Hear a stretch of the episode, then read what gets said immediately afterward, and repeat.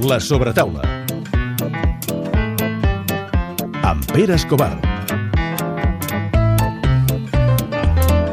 Tio, ja arriba l'estiu, eh? Ho veus, no? Primera sobretaula amb... sense jaqueta a l'exterior de la temporada. Hem hagut d'esperar gairebé finals d'abril, però esperem que no agafem un refredat avui. Eh, som a Castell d'Aro, som a Platja d'Aro. Eh, ja té ja té història que el personatge que tinc al meu costat fa pocs dies vivia a 14 quilòmetres de casa meva, però, en canvi, he hagut d'anar eh, a la Costa Brava per, per parlar amb ell. Eh, ens trobem amb algú, amb algun d'aquests personatges que ha complert un somni renunciant pràcticament a tot el que tenia i és una història xula de sobretaula. Ens trobem cara a cara amb el Jordi Gamito. Com estàs, Jordi? Hola, què tal? Molt bé, molt bé. Estic molt content d'estar aquí. Jo també. I, I de conèixer algú de Platja d'Aro. No coneixia ningú de Platja d'Aro. Ja, mira que he vingut vegades, hi ha molta gent, però, hosti, eh, és curiós. Bueno, és que gent, de, gent del poble, poble bueno, hi ha molta gent que forasters, no?, que venen a passar aquesta setmana i així, però gent del poble no en són pas gaire. Uh, com t'ha canviat la vida? En, en quant temps? En dos, tres anys? Sí, do, bueno, dos tres anys va ser el que jo vaig apostar per mi, però jo penso que des de fa sis anyets que bueno, jo veia que, que en aquest esport pues, hòstia, podia treure alguna que tenia dintre i al final, pues, bueno, mica en mica ens ho van anar creient i fins a dia d'avui. Has anat fent moltes proves. M'hauràs d'agafar de la maneta moltes vegades perquè jo de, de, de, de runners hi entenc poc perquè jo només he corregut davant de la policia i fa molts anys. Eh, però eh, has anat fent moltes coses perquè d'aquí a aquí et va donar per un art marcial eh, i te'n vas anar a Tailàndia. Sí, bueno, això era bueno, fa ja 8-10 anys, eh, doncs, bueno, jo treballava a la construcció, llavors els meus als estius, com aquí no es pot treballar perquè has de fer vacances, perquè venen tots els turistes i ocupen els pisos, llavors, doncs, bueno, eh, un dels somnis que volia fer era lluitar en el Lumpini, que és bueno, un dels millors estadis de Bangkok, i al final doncs, bueno, vaig estar durant 3 anys eh, bueno, doncs, agafant-me les meves vacances, anant a Tailàndia i al final fins que vaig poder lluitar en el Lumpini vaig complir el meu somni i llavors a partir d'aquí doncs, ja bueno, se m'ha de treure una mica la motivació i vam buscar altres motivacions. I d'aquí a córrer, que no sé si té molt a veure, el que sí que sé és que segur, això segur que t'haurà ajudat, perquè les arts marcials això ho tenen. Tenen molta més eh, solució per a la vida normal de la que ens pensem i coneixem.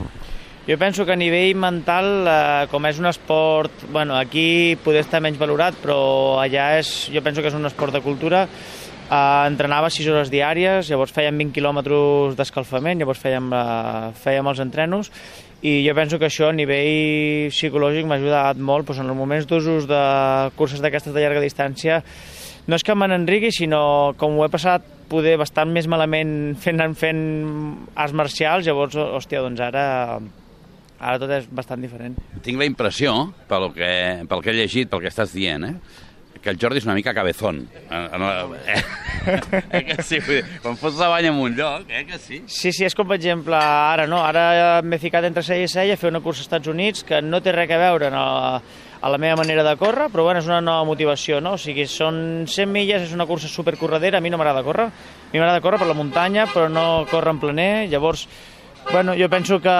m'agrada el fred, eh, correré a temperatures de 40 graus, sóc un bastant cabezón i llavors, bueno, crec que només a part d'en Kilian no hi, ha, no hi ha hagut ningú que li hagi anat bé, ninguna persona a nivell d'Europa, bueno, Kilian i François Daen. Llavors, pues, bueno, jo penso que és una cursa que si la prepares una mica exclusivament pues, bueno, per què, no, per què no ens pot anar bé, no? Llavors, ara, per exemple, tinc entre cella i cella pues, anar a la Western States, que és una cursa mítica, és com la, la Mont Blanc, però als Estats Units, i pues, bueno, aconseguir aquest repte, que per mi, si aconseguíssim podi, ja seria, seria l'hòstia, objectiu complet i anem per un altre. Has anat, has anat canviant cosetes, és a dir, que a més a més de cabezón ets detallista, perquè has canviat eh, la nutrició també, perquè has vist que això t'ajudava a millorar, eh, ara tens un fisio, que abans no, no et podies permetre permanent, has anat canviant detallets. Bueno, doncs he intentat, com he dit, no, que quan intento fer les coses intento fer-les al 100%, llavors pues, bueno, jo penso que són coses que són petits detalls que clar, hòstia, per exemple, quan vaig acabar aquest any Montblanc vaig tenir dues setmanes que no vaig poder ni fer un massatge perquè no tenia temps, tenia que pencar i, i, i no, no vaig poder anar ni al fisio, no? Doncs ara, per exemple, doncs aquests petits detalls jo penso que sí que els puc mirar de, de polir una miqueta Uh, bueno, el fisio jo penso que és una de les coses importants, el descans també és important i el que és el tema de nutrició doncs bueno, si agafes 3 quilos de carn i passeixes per durant, hòstia, una hora per tot el poble, al final acabes de la carn que, que estàs per deixar-la a qualsevol lloc, doncs és el mateix, no? Si, si mires d'afinar una miqueta i més de curses d'aquestes de llarga distància, doncs tindràs menys desgast, podràs anar més ràpid i que passa que sí que és sacrificat, i més jo que sóc una persona de vida, que jo sóc de, jo sóc de jalar. Sí, també tinc la impressió que, que tot i aquest detallisme eh, i, i aquesta caparroneria, eh, ets una persona que no està disposat a renunciar segons què. És a dir, jo no, jo no t'imagino menjant bledes tot el puto dia, saps el que vull dir? En algun moment has de tenir per les teves coses, una hamburguesa molt feta... Sí, però, per exemple, demà... Una. Sí, un cop a la setmana me la salto. Ah, un cop a la setmana és com el meu premi, o sigui, sí, sí, això sí.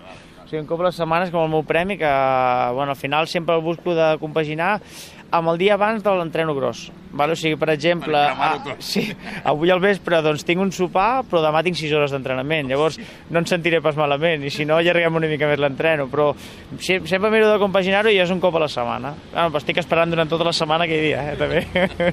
Resseguint totes les coses que has fet, ja veus que el meu iPad està ple de coses. Eh? He, he, he anat a parlar a Instagram eh, i jo crec que només he vist 20 fotos. Perquè quan he arribat a la que tocava, i he pensat, no veuré res millor que això. No veuré res millor que això. Fotos arriben, fotos patint, fotos a la muntanya, fotos amb el cel al darrere, fotos les que vulgueu. Una foto, que és un conjunt de 3 o 4, que estàs amb ton pare, de molt petitet, eh, després més grandet, eh, és la foto. Jo crec que aquesta és la foto i aquesta explica molt com és el Jordi.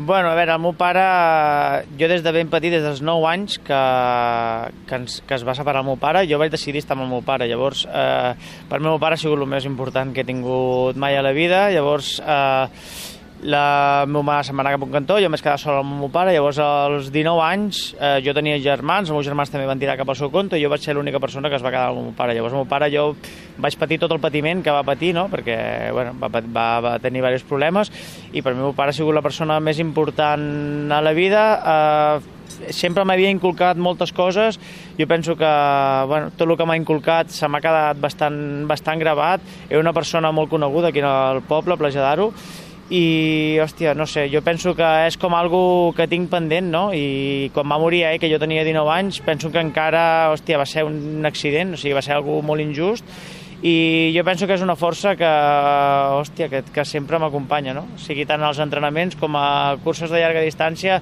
no és que ho faci per ell exclusivament, o sigui, ho faig per mi, però quan ell va morir, jo l'únic que li vaig fer, li vaig fotre un cop a la caixa i li vaig dir, papa, dic que et portaré el teu nom a lo més alt possible, no? I això és una promesa que, que, bueno, que jo li vaig fer i, i bueno, res més. Jo el meu pare vaig patir molt, dies de Nadal els he passat sol al cantó, o sigui, bueno, vaig veure que ell va patir molt i jo no, bueno, no vull patir com ell va patir, però sí que vull que si algun dia em pot veure d'algun lloc, doncs que vegi que, que he tirat cap al bon camí i que bueno, al final la promesa s'ha complert. Estic, estic segur que et veu. Eh, m'agrada saber que tenia raó, perquè he pensat, aquest noi es dibuixa així. Eh, a les arribades fa perquè la gent mantengui el gest que fa Messi quan li dedica els gols a la seva àvia, és el que fa el Jordi, eh, quan arriba li dedica a son pare, aixeca els dos dits en l'aire, eh, i això et marca, això et dibuixa, això et defineix, això, això t'ajuda a córrer, suposo també, no? Hi ha algun moment que deus pensar, cony, és que no puc més, és que he de poder, Sí, o sigui, però jo penso que és una, és una força interna, o sigui, no és que el tingui tot el dia, no, no, no, tot el dia al cap. No és una obsessió. Però, no és una obsessió, però sí que és una força que al final, ostres, doncs sí que m'acompanya, no? O sigui, jo cada cursa li dedico amb ell perquè, perquè sí, o sigui, li puc dedicar a altres persones que m'estan ajudant durant el camí, però, bueno, per mi ha sigut la persona, he vist que ha patit moltíssim, eh, i llavors, doncs, bueno, no sé, o sigui, és com un, com un agraïment, no? Em sembla una meravella. Uh, i, i a tu no t'ha no, no estat fàcil arribar fins aquí, perquè de sobte et vas posar de moda perquè eres el, el, el runner paleta. Eh? Estaves a Camprodon, treballaves de paleta eh, i després t'anaves a entrenar quan acabaves la feina. Això afortunadament ha acabat, però aquella època havia de ser molt dura, perquè clar, jo pensava, sí, sí, carregar sacs pot ser que l'ajudi a l'entrenament, però no, no hi veig massa relació. Bueno, al final, clar, jo penso que abans d'aquesta etapa va haver-hi l'etapa de fotre 10 hores a l'obra. Llavors aquesta etapa sí que va ser dura, no? Perquè feies 10 hores, llavors anaves a entrenar a partir de les 7 de la tarda, que aquesta etapa va ser bastant dura perquè al final volies estar allà davant, però clar, primer tenies que fer la teva jornada laboral, llavors tenies que, que entrenar. Llavors aquesta, aquesta etapa sí que va ser dura. L'any passat eh, bueno, jo vaig aconseguir trobar una persona que m'entengués, que fos autònom, que podia treballar només 5 hores al dia i llavors per mi això va ser un regal, o sigui, poder pencar 5 hores al dia, al final vaig poder canviar els horaris, en vez de treballar pel matí, treballar per la tarda, llavors per mi era un premi, poder entrenar pel matí descansat i llavors a la tarda tenir que pencar, o sigui, per mi això ja era un premi i, hòstia, doncs, bueno, vaig anar a Camprodon perquè gest, no?, perquè jo si no m'hagués quedat aquí a Pajadaro, perquè aquí a Pajadaro es tenen que treballar 8-10 hores diàries, llavors aquí era impossible i inviable poder arribar on, on jo volia. Llavors per això vaig anar cap a Camprodon, vaig trobar en un parell de, de persones, un parell d'empresaris que em deixaven fer els meus horaris i llavors per això vaig anar, per això vaig anar cap allà. A part, hi havia muntanya, o sigui, podia enfocar en els meus reptes i llavors cada cop que volia marxar, com era autònom, podia, podia decidir-ho. Això va ser bueno, una etapa dura, però jo penso que l'etapa més dura ha vingut, ha vingut, ha vingut abans, no? Llavors això bueno, va ser com un bueno, com un KitKat eh, fins al dia que, que hem arribat avui. Una aposta que Una tu aposta. fas, eh? Perquè tu tenies tot fet aquí. Sí, jo tenia la meva empresa de construcció i aquí ho tenia tot, ho tenia tot molt fàcil, tinc el meu pis a Sant- a Sant Feliu de Guíxols, aquí, aquí ho tenia tot molt fàcil, molt bé, però al final jo penso que vivim una vida, no? O sigui, la vida, vida que vius pues, has d'aprofitar-la al 100%. Llavors jo a vegades agafo un metro, mires els, el, el temps de vida que ha passat, mires el que queda de viure i llavors pues, bueno, això a vegades et fa pensar. Doncs jo penso que és No, ara això. m'has fotut un problema, perquè no em queda ni un pam. Però bueno, hòstia, s'ha de, de, de viure, S'ha de viure al eh? màxim, clar, clar, clar. Sí, i jo normalment... Però s'ha Bueno, de ser molt valent, Jordi. Sí, s'ha de, valer, de ser molt valent i a part també, bueno, el que jo penso, no?, que el meu pare sempre em deia, viu, disfruta, viatja tot el que puguis i, i bueno, mm, aprofita el moment, no? Llavors jo això se m'ha quedat inculcat, intento aprofitar el moment sense mirar enrere, sobretot, o sigui, no miro mai enrere, perquè sempre aposto, he apostat per mi eh, com una de les coses no tinc res a perdre, o sigui, no, jo penso que és una de les coses que, que em fa ser com sóc, que no tinc res a perdre, llavors vull aconseguir alguna cosa, miro enrere, però és que si em quedo aquí tampoc eh, ni guanyaré ni perdré, no? Llavors, doncs, bueno, si vull alguna cosa vaig, vaig per jo, llavors, si surt bé, bé, si surt malament, doncs és igual, estarem al mateix lloc, no? O sigui, no... Em, em recordes eh, a, a Nadal, a Federer, als grans ciclistes, és a dir, ells trien una sèrie d'objectius que els van bé pel seu calendari, pels, per la seva ambició, per la seva puntuació, i aleshores a partir d'aquí acomoden la resta del calendari per estar en el millor moment, en el moment adequat, eh? Tu ja has arribat aquí. Això només ho podeu fer els escollits. Bueno, sí. Sí, sí també és que els sponsors ho entenguin, no? Que no... Hòstia, que segons quines curses... Però jo penso que hi ha molta... Ara, per exemple, em conviden a moltes curses. Eh, ostres, doncs també has de valorar-ho, no? També el desgast que pots tenir en una cursa de 80 o 90 quilòmetres, no sé, per exemple, Grècia, llavors l'impacte que pot tenir, llavors poder la marca no els interessa, no? Que poder interessa més que arribis més fresc al Montblanc i facis bona feina. I a mi també. O sigui, a mi també m'interessa més anar, anar a Montblanc, que és una de les curses més mítiques, i intentar fer-ho bé i no arribar desgastat. Llavors, doncs, bueno, mirar de centrar una mica les forces i, i això, centrar-me en tres o quatre objectius i anar, i anar per ahí, sí. És que és molt gran, clar, tu deus fer una marató abans d'esmorzar cada dia, perquè 42 quilòmetres són una broma. Bueno, eh, sembla com una falta de respecte, no? Perquè abans es feien una, una marató o dos maratons a l'any com a molt, sí. i ara, clar, jo per exemple el dis... O sigui, aquest dissabte jo tinc eh, uns 50-60 quilòmetres d'entrenament. Clar, és que, clar, d'entrenament, és que, clar, aquesta, aquesta que parlàvem del Montblanc són quatre maratons. Sí, sí, sí, sí, però bueno, jo penso que tot es pot entrenar, eh? El que passa que s'ha d'anar pas per pas i, i tot es pot entrenar. Jo, hòstia, mai m'hagués pensat mai a la meva vida que, hòstia, que, que per entrenar que per entrenar coses de llarga distància entrenés marató, no? Entrenés 40 quilòmetres. Ja els meus amics em veuen diu, Jordi, estàs boig, però... Però bueno, jo penso que segueixo les pautes del meu entrenador, fins a dia d'avui m'han anat bé i, i bueno, per què no, no? no, No, home, no. Eh, escolta, tens Twitter, eh, 3.257 seguidors, però el teu fort és l'Instagram, 31.300. Et, et va més l'Instagram que el Twitter, eh?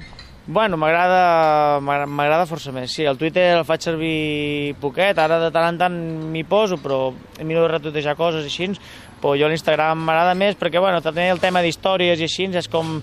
bueno, puc anar explicant el meu, el meu dia a dia també i, i bueno, em fa, em fa gràcia. A part, puc ser tal com sóc, no? O sigui, En una entrevista molt xula que et van fer, et pregunten mm, què tal, i dius, diu, és que, clar, diu, tens pressió ara que tens més, has guanyat més i tal, diu, per què? Si jo faig el que vull, corro el que vull, quina pressió he de tenir? Sí. I em va semblar admirable. La, pre- jo penso que la pressió, moltes, o sigui, la pressió per mi la tenen els, els demés. jo no tinc, jo no tinc, jo no tinc, pressió. xulo, més o menys. jo no tinc pressió, o sigui, al contrari, o sigui, quan al meu sponsor no li interessi, sé que, bueno, em fotrà una cosa al cul, llavors tindré que anar, tornar a posar, anar a posar tutxanes, o sigui, no, no tindré cap problema. Però, mentrestant, eh, jo ho tinc força clar, no? Jo això ho faig per disfrutar, per passar-ho bé, i si ho tinc que fer com una obsessió, no, no, ho faria, no ho faria. O sigui, jo ho faig, disfruto i... Vas tenir una, una feina que no sé si la mantens, eh, de comercial del món de l'esport. Això encara ho fas? Pels No. sponsors? No, ja, ja només és exclusivament preparar-te per les curses. Sí, això va ser bueno, un dels un dels talls que bueno, vaig intentar apostar per mi, vaig intentar ser Tu comercial. ets un ludòpata del gamito. Una miqueta. Jo, sí, sí, sí.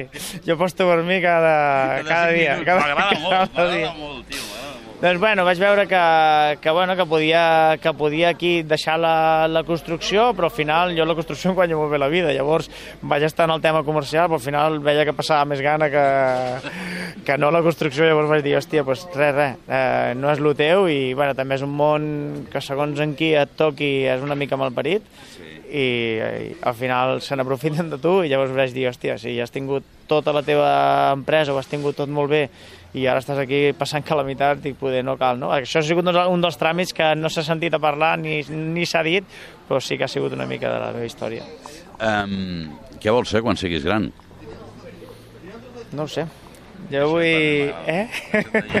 Déu dirà, eh? Eh, no ho sé, ja es veurà, sí. Sí, sí, ja es veurà. De moment, ja dic, no vull mirar més endavant, o sigui, jo vull disfrutar dia a dia i anar pas per pas i de moment, no sé, m'agradaria fer moltes cosetes, m'agradaria fer moltes coses, fins i tot, bueno, no sé, m'agradaria fer una escola de trail aquí en el meu poble, m'agradaria fer coses molt ben parides, sobretot alguna amb els nanos, que, que penso que hi ha molt de futur, però, bueno, mai es sap, o sigui, de moment jo penso que si ara, per exemple, intentés muntar alguna cosa, no podria, no podria ser i no podria apostar al 100%, llavors penso que ara és tonteria, ara m'he de centrar en el que m'he de centrar, que és córrer, disfrutar i intentar donar el meu màxim nivell i cop ja aconsegueixi tot el que me proposo, llavors mirarem de pensar més endavant, de moment no ho sé, ja, jo sé que sóc paleta, sé que si a les males és el meu as, no? O sigui, si a les males he de tornar ho tindré molt fàcil perquè és el meu ofici des dels 16 anys, llavors no sé, m'agradaria tornar amb un altre, bueno, un altre camí que no fos la construcció, perquè la construcció sí que físicament em matxaca molt, però no sé, ja veurem. Uh, escolta, acabo. Uh, el Kilian Jornet és donat a Planeta... Uh, Kilian Jornet és, és Déu, és d'un altre planeta, sí, sí. O sigui, ja t'he dit, o sigui, Kilian només n'hi ha un i només n'hi haurà un, crec, durant molts i molts anys, no? Kilian és... Kilian és Kilian, com jo dic. I el Jordi és el Jordi. Mira, m'ho he passat molt bé. Hi haurà molta gent que estigui emprenyada amb mi perquè hem parlat poquet de córrer i de com s'ha de córrer i d'aquestes coses, no? Però és que, deixa'm-ho dir, el, el Xavi sap que no ho acostumo a fer, però jo crec que el personatge supera l'esport. Em, em sembla absolutament espectacular.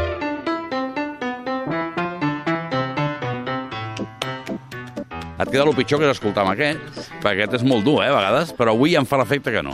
No, eh, està bé perquè crec que ens has caigut bé, tot i veure un cafè americà, que és un sacrilegi a la, a la sobretaula, a més és que carregat fins a dalt, això és veneno, això és, és verí directament. Eh, M'he estat fixant molt, tu has dit, amb el seu pelu com el seu rellotge, i primer pensava, hòstia, les, les pulsacions, hòstia, està alt el tio. No, no entès res, no entès un pijo perquè ara et, et diu la, la latitud, la no sé què, si se li estava movent tota l'estona, pensar que estava sent pulsacions. Dic, sí que s'ha posat nerviós amb l'entrevista del, del Pere, però, però no, era, no era així. Em, també hem parlat de motivacions a l'hora de córrer i ah, li has volgut buscar algunes motivacions al Pere, però ell no, no li pots posar una motivació cada 100 metres perquè serà fumar-se un pitillo. I clar, això serà contraproduent, per tant, eh, hem de, hem de, hem de plantejar l'objectiu una mica diferent. Seriosament, eh, hem parlat de la història del Jordi, és veritat que el personatge supera a l'esport, que la seva història és d'aquelles històries que els oients diuen hosti, quina ràbia, aquest tio està fent el que, el que, el que vol, no? Uh, ho, ho ha arribat a aconseguir a través de la caparroneria que parlava el Pere, a través de, del sacrifici moltes, moltes vegades, i ens quedem amb, amb quan sigui una estrella mundial, ja ho és, eh? però quan sigui més estrella mundial, que també ens aculli aquí a Platja d'Aro amb aquesta naturalitat, que saludi a tothom, com ha fet, perquè és un jefe aquí a, a Platja d'Aro, i amb una frase em quedo, en aquest cas eh, no és tan teva com del teu pare, tu ho has dit, el teu pare et va dir viu, gaudeix, viatja i aprofita el moment, eh, el que estàs fent i el que esperem des d'aquí a la sobretaula que puguis fer molts anys. Jordi, ha estat un plaer molt gran. Moltes gràcies. Que no et passi res amb els nens aquests de, de tercer i quart. Ja us explicaré. I, I continua així, tio. Continua així. Gràcies a vosaltres i, bueno, res, cap endavant.